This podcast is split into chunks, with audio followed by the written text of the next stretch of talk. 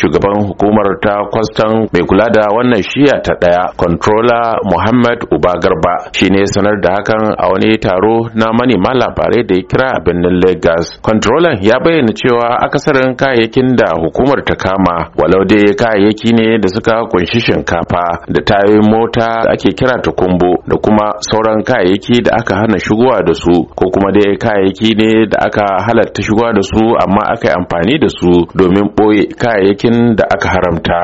kamar shinkafa mun kama shinkafa buhu dubu shida da ɗari uku da hamsin da shida wanda darajar kuɗinsa shine miliyan saba'in da takwas da ɗari uku da casa'in da biyar. Ganyen wiwi wannan marijuana da ake kira mun kama ƙunshi ɗari uku da tamanin da huɗu. Amma mun kwatanta wanda ba lallai ba ne ya zama adadi mun kwatanta miliyan goma sha takwas da dubu ɗari huɗu da talatin da biyu. Akwai tayoyi wanda aka hana shigowa da su dubu huɗu da ɗari tara da tamanin da biyu wanda su kansu adadin kuɗin su miliyan arba'in da biyu ne. Bayan haka akwai motoci guda goma sha uku kuɗin su miliyan hamsin da takwas da ɗari takwas da sha tara. Shi kuma wannan batirin wanda aka yi amfani da wani kayan shi darajarsa miliyan talatin da takwas. So adadin yawan wannan kaya da muka kama miliyan ɗari shida da bakwai da dubu ɗari bakwai da goma sha bakwai da naira ɗari biyar da talatin da biyar. Wannan dai ba shi ne karan farko ba da hukumar ta kwastam ke kame tare da kuma gabatar da kayayyakin da ta kama